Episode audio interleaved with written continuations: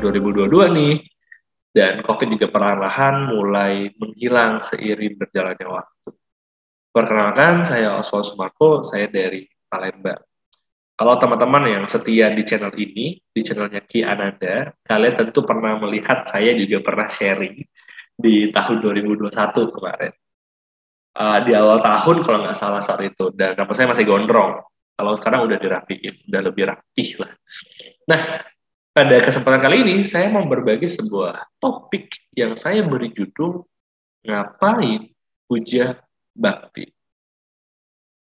Tentu kegiatan puja bakti ini sudah tidak asing lagi untuk teman-teman semuanya ya karena kita serah, sudah sering melakukannya di minggu pagi, di minggu sore mungkin, ataupun di tanggal-tanggal khusus Cabgo ataupun ketika uh, awal kita suara ataupun ketika biasanya guru atau apa pun biasanya kita mau baca bakti di hari-hari tertentu. Tapi seringnya kita melakukannya di, uh, di minggu pagi kan. Nah, untuk kalian yang sudah sering ikut puja bakti, teman-teman, ada sebuah pertanyaan yang harus kalian jawab. Ngapain kalian puja bakti? Setiap minggu pagi kita bangun di hari Minggu yang harusnya Minggu itu hari libur, kita rela untuk bangun lebih pagi untuk pergi ke meluangkan waktu untuk puja bakti, mendengarkan ceramah dharma, lalu uh, kita merelakan waktu kita mungkin untuk bersantai, lebih beristirahat, ataupun jalan-jalan. Tapi kalian pernah bertanya ya, sebenarnya ngapain kalian puja bakti? biasanya ya biasanya ya orang-orang yang saya temukan di uh, teman-teman saya di Palembang mereka ikut puja bakti ini yang anak muda tapi ya mereka ikut puja bakti biasanya cuma dua alasan pertama karena diajak teman kedua karena formalitas. Karena mereka belum pernah ke wihara akhirnya diajak oleh temannya akhirnya ya udah ikut puja bakti. Formalitas itu kayak ya dia tahu bahwa umat Buddha rame-rame setiap minggu pagi itu puja bakti di wihara akhirnya dia juga ikutan. Atau mungkin formalitas yang lain ketika semua keluarganya ikut itu puja bakti di hari Minggu akhirnya dia juga ikutan.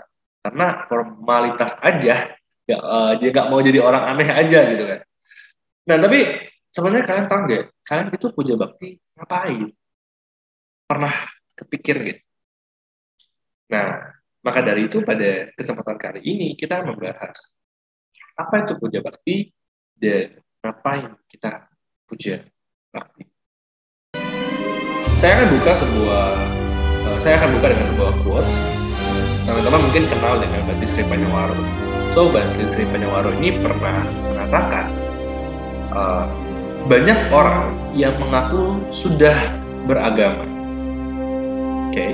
tapi belum tentu beriman masih banyak orang yang menyatakan beragama tetapi malah melakukan perilaku perilaku yang sangat tercela. Yang penting itu adalah berimannya, bukan beragamanya. Nah, ini sebuah kurs yang sangat menarik, teman-teman, yang sangat uh, baik ya.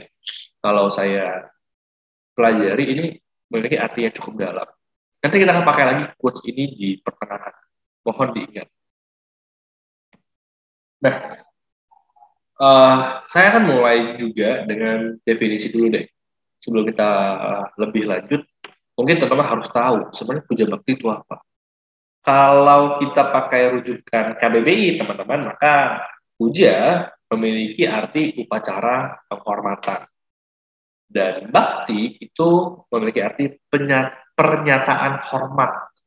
So, puja bakti ini bisa kita rangkai, uh, bisa kita artikan sebagai rangkaian kegiatan yang bertujuan untuk penghormatan uh, biasanya kalau kita memberikan penghormatan kepada apa ya kepada orang tua mungkin kepada leluhur biasanya kita melakukan dengan sujud ya dengan dengan sujud itu kita menunjukkan bahwa kita, uh, bentuk bakti kita kepada mereka nah sama seperti itu ketika kita puja bakti kita menunjukkan rasa penghormatan ini bentuk bakti kita kepada Buddha, Dhamma, dan Sangha.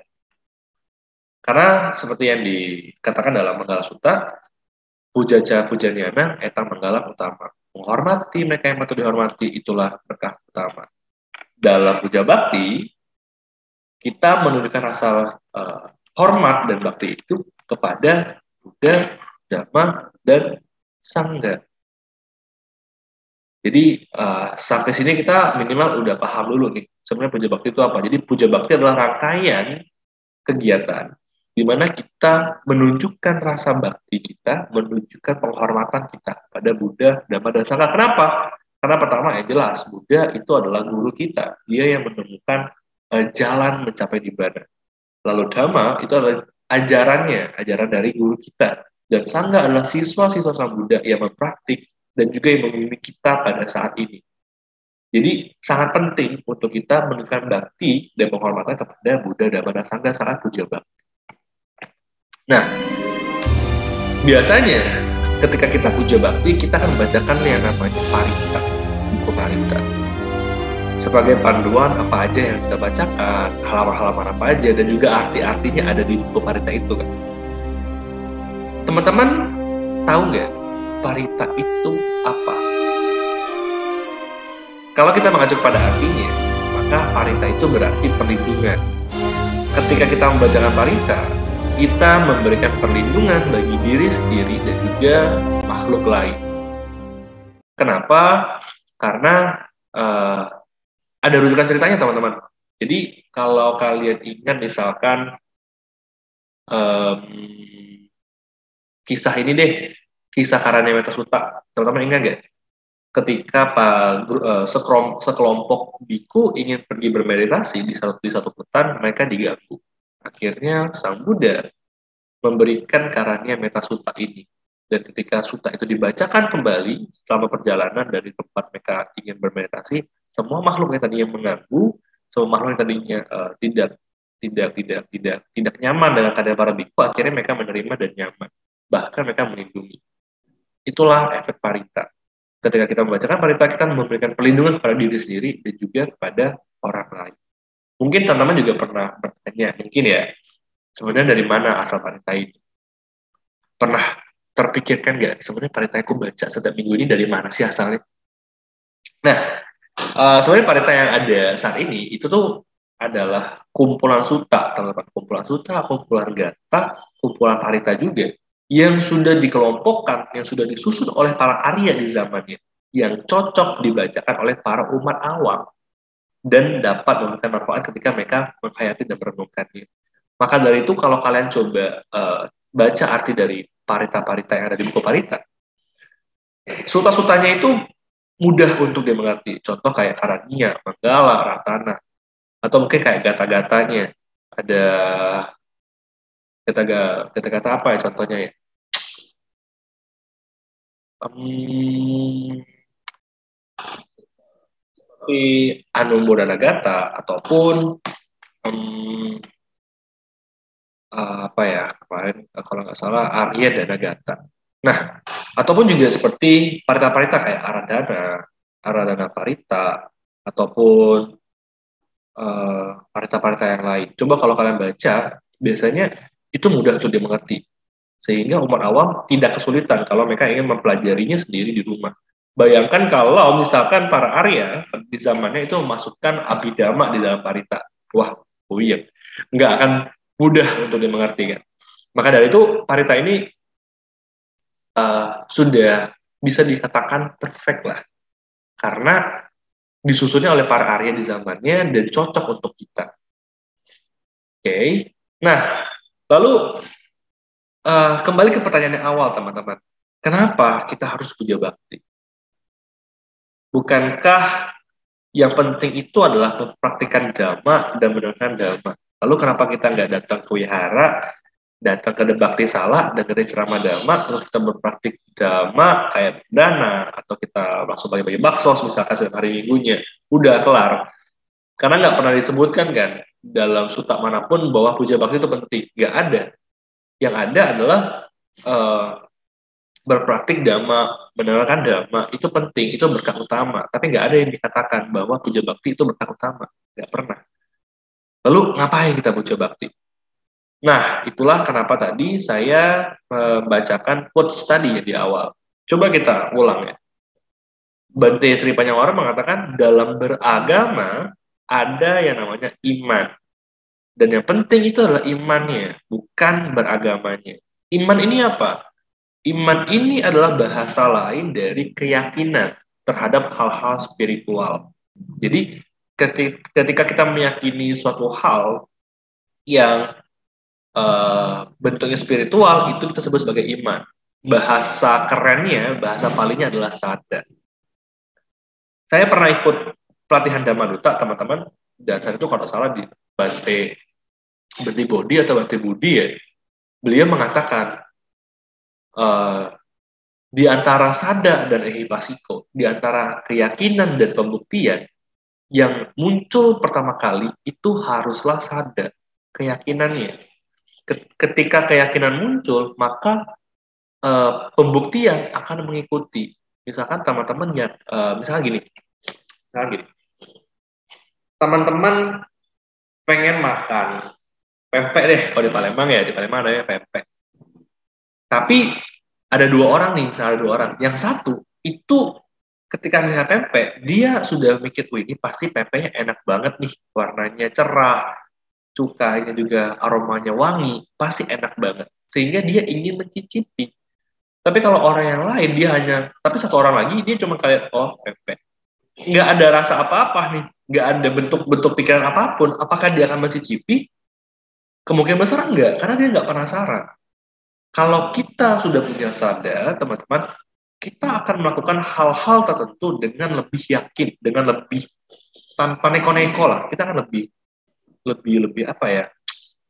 Contoh gini, kalau teman-teman saya kasih dua pilihan, teman-teman mau minum air mineral dengan merek Aqua dan tersegel, masih tersegel, atau minum minuman tanpa merek tapi tersegel juga. Kira-kira teman-teman akan pilih yang mana? Aqua yang tersegel atau minuman yang nggak bermerek tapi juga tersegel? Kebanyakan orang tentu akan memilih Aqua. Kenapa? Karena kita sudah tahu, kita sudah yakin dengan merek Aqua ini bahwa air minumnya aman. Sehingga kita akan buka botolnya, kita akan minum tanpa berpikir panjang. Beda dengan minuman yang nggak bermerek ini. Ini minuman dari mana nih? Asalnya apa nih? Kita mungkin kalau disuruh paksa disuruh minum, kita akan buka Lalu kita akan men, uh, coba mengaroma dulu kan, ada aroma apa ya, ada bau apa gitu kan. Beda dengan aqua, kalau kita sudah lihat aqua, oke, okay, aqua tersegel lagi kan, sudah aman pasti, langsung ini. Kira-kira gitu. Nah, so sama dengan beragama. Kenapa Bantisi Panyawaro mengatakan yang penting dalam beragama adalah imannya? Ketika sadar sudah muncul teman-teman, maka kita akan berpraktik dhamma, kita akan berpraktik menjalankan ajaran Buddha tanpa ragu tanpa ragu. Misalkan Buddha mengatakan dilarang membunuh, tidak boleh mencuri, tidak boleh berbuat susila. Kalau kita ada sadar bahwa kita yakin dengan ajaran Sang Buddha, kita akan melaksanakan tanpa pertanyaan. Beda dengan uh, kalau misalnya kita disuruh banyak-banyaklah berdana, berdana akan membuat Anda menjadi kaya, akan menjadi uh, lebih makmur, kehidupan di, di kehidupan berikutnya Anda akan berlimpah harta, tapi kita nggak yakin dengan hal tersebut. Apakah kita akan berdana setiap hari? Apakah kita akan berdana setiap minggunya? Saya rasa enggak. Beda kalau kita diajarkan, silakan berdana, Anda akan uh, mendapatkan manfaat yang sangat besar di kehidupan yang berikutnya. Kita yang punya sadar, tentu kita kan tanpa berpikir panjang, iya saya tahu dan saya yakin dengan hal tersebut, saya akan dana, dan ini akan dana, tanpa berpikir panjang. Kira-kira seperti itu. So, sadar ini penting untuk ditumbuhkan, penting untuk di uh, di apa ya ditumbuhkan, dimiliki. Nah, tapi sayangnya teman-teman ini itu tidak muncul secara tiba-tiba dan juga tidak hilang secara tiba-tiba. Nah, karena dia tidak muncul secara tiba-tiba, maka kita perlu sesuatu untuk memicunya untuk muncul. Dan di sinilah puja bakti berperan teman-teman pernah puja bakti, pernah baca Buddha Nusati, Dhamma Nusati, Sangga Nusati, itu adalah sifat-sifat luhur dari Buddha dan Badan Sangha. Kalau kalian baca, uh, mungkin kalian akan terpukau dengan sifat-sifat luhurnya Buddha. Dia adalah arahat yang sudah mencapai dengan sempurna, guru para dewa dan manusia. Jadi guru kita tuh bukan guru sembarangan, dia dewa pun itu jadi muridnya Buddha gitu loh. Dhamma itu sudah sempurna dibawakan oleh Buddha. Berada sangat dekat, tidak lapuk oleh waktu. Bayangkan ajaran Sang Buddha itu tidak akan hilang oleh waktu, teman-teman. Dan Sangga Siswa Bagawa merupakan delapan jenis makhluk suci terdiri dari delapan jenis makhluk suci sangga kita itu salah satu dari delapan jenis makhluk suci ini teman-teman. Nah hal-hal seperti inilah yang akan memunculkan sada. Kalau kita bacakan terus-menerus, kalau kita renungkan terus-menerus, ini akan memunculkan sada kita dalam agama Buddha. Lalu ketika sada ini sudah muncul, puja bakti juga berperan sebagai perawatnya yang merawat sada ini untuk tetap ada. Bagaimana mungkin? Gimana caranya?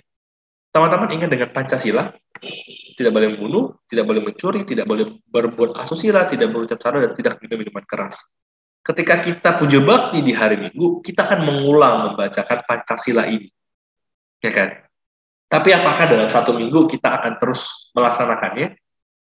Mungkin iya, mungkin juga tidak. Pasti akan ada bolong-bolongnya. Kita akan terlupa, kita akan, ah iya ya, nggak boleh bunuh, tapi udah kepencet semuanya. Gimana nih? Atau mungkin kita juga kayak dalam seminggu ya cuma lima hari bisa mempertahankan melaksanakannya.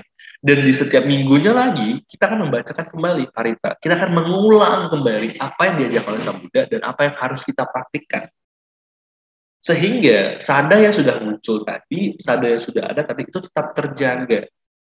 So fungsi dari puja bakti ini sangat penting untuk kita. Pertama dia menumbuhkan sada dan juga dia merawat sada. Agar apa? Agar kita itu ketika melaksanakan dhamma, kita melaksanakan tanpa ragu-ragu.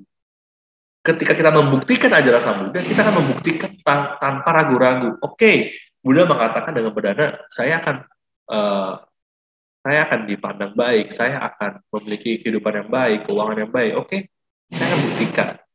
Saya akan berdana dengan niat yang baik. Kalau kita belum ada sadar, dibilang kita kalau misalnya dibilang kamu kalau berdana berdana ke wihara kamu akan mendapatkan hal yang besar. Kita belum tentu percaya. Kalau dikatakan seperti itu kita paling ya ya udahlah nanti lah ya minggu depan saya dana ya. Seperti itu. Tapi kalau sudah punya sadar beda ceritanya. Kita akan lebih yakin kita akan tanpa ragu-ragu melaksanakan ajaran Buddha dan itu yang penting Nah, lalu puja bakti juga memiliki manfaat yang paling keren. Ya. Ini manfaat, manfaat yang paling keren menurut saya. Itu adalah ketika kita membaca parita, kita memberikan kesempatan makhluk lain untuk mendengarkan uh, ajaran Sang Buddha. Teman-teman ingat ada cerita tentang 500 kelelawar. So 500 kelelawar ini hidup di sebuah gua. Dan di gua mereka tempat bersemayam, uh, tempat bersemayam, tempat mereka bertengger ya, tempat mereka hidup, uh, di, akhirnya didatangi oleh dua oleh sepasang biku. Sepasang biku ini datang uh, di gua tersebut dan membahas abidama menurut teman-teman, apakah uh, eh, 500 kelelawar ini mengerti apa yang dikatakan oleh dua biksu ini? Saya rasa enggak ya, karena bahasa kita dan bahasa hewan kan berbeda ya. Tapi ajaibnya teman-teman hebatnya adalah karena uh, sepasang biku ini terus-menerus membahas abidama, membahas abidama. 500 kelelawar ini akhirnya ternyanyi akan suara merdu dari kedua biku tersebut dan ajarannya. Sehingga ketika mereka terlahir lagi sebagai manusia di zaman Buddha Gautama, ketika mereka menyaksikan Sang Buddha sedang uh, sedang membuktikan beliau membuktikan dirinya dengan menunjukkan keajaiban ganda menggunakan api dari atas dan air dari bawah. 500 pemuda ini muncul lagi sadanya tertrigger. Wah ini Bagawa kayaknya ini guru yang sama nih yang bisa mengajarkan aku abidama seperti yang pernah aku dengarkan di kehidupan yang lampau. Dan akhirnya percaya tidak percaya teman-teman boleh baca ceritanya 500 pemuda ini yang awalnya seorang kelelawar, seekor kelelawar, akhirnya menjadi manusia dan mereka menjadi arahat semuanya. 500 orang ini menjadi arahat. Karena apa? Karena mereka sudah punya sadar, karena mereka sudah pernah mendengarkan ajaran Sang Buddha. Lewat siapa? Lewat sepasang biku tadi. Dan bayangkan kalau setiap minggunya teman-teman mengulang suta, mengulang parita, bayangkan berapa banyak makhluk di sekitar kalian yang ikut mendengarkan. Yang mungkin suatu hari ketika mereka terlahir sebagai manusia, mereka bisa berjodoh dengan agama Buddha. Dan ketika mereka berjodoh dengan agama Buddha dan mereka bisa mempraktikkan ajaran agama Buddha dengan baik, percayalah salah satu penyebabnya adalah kalian. Inilah efek ataupun uh, alasan ataupun manfaat dari puja bakti yang paling keren menurut saya. Kita memberikan kesempatan bagi makhluk lain untuk mendengarkan ajaran Sang Buddha. Demikianlah teman-teman sharing yang bisa saya sampaikan. So, apa alasan kita harus puja bakti? Yang pertama kita untuk menumbuhkan sada, lalu kita merawat sada kita, dan yang terakhir kita memberikan kesempatan kepada makhluk lain untuk mendengarkan ajaran Buddha. Sekian dari saya, semoga dapat membantu. Sampai jumpa, semoga kalian semua berbahagia. Namo Sayang Budaya, Namo Budaya.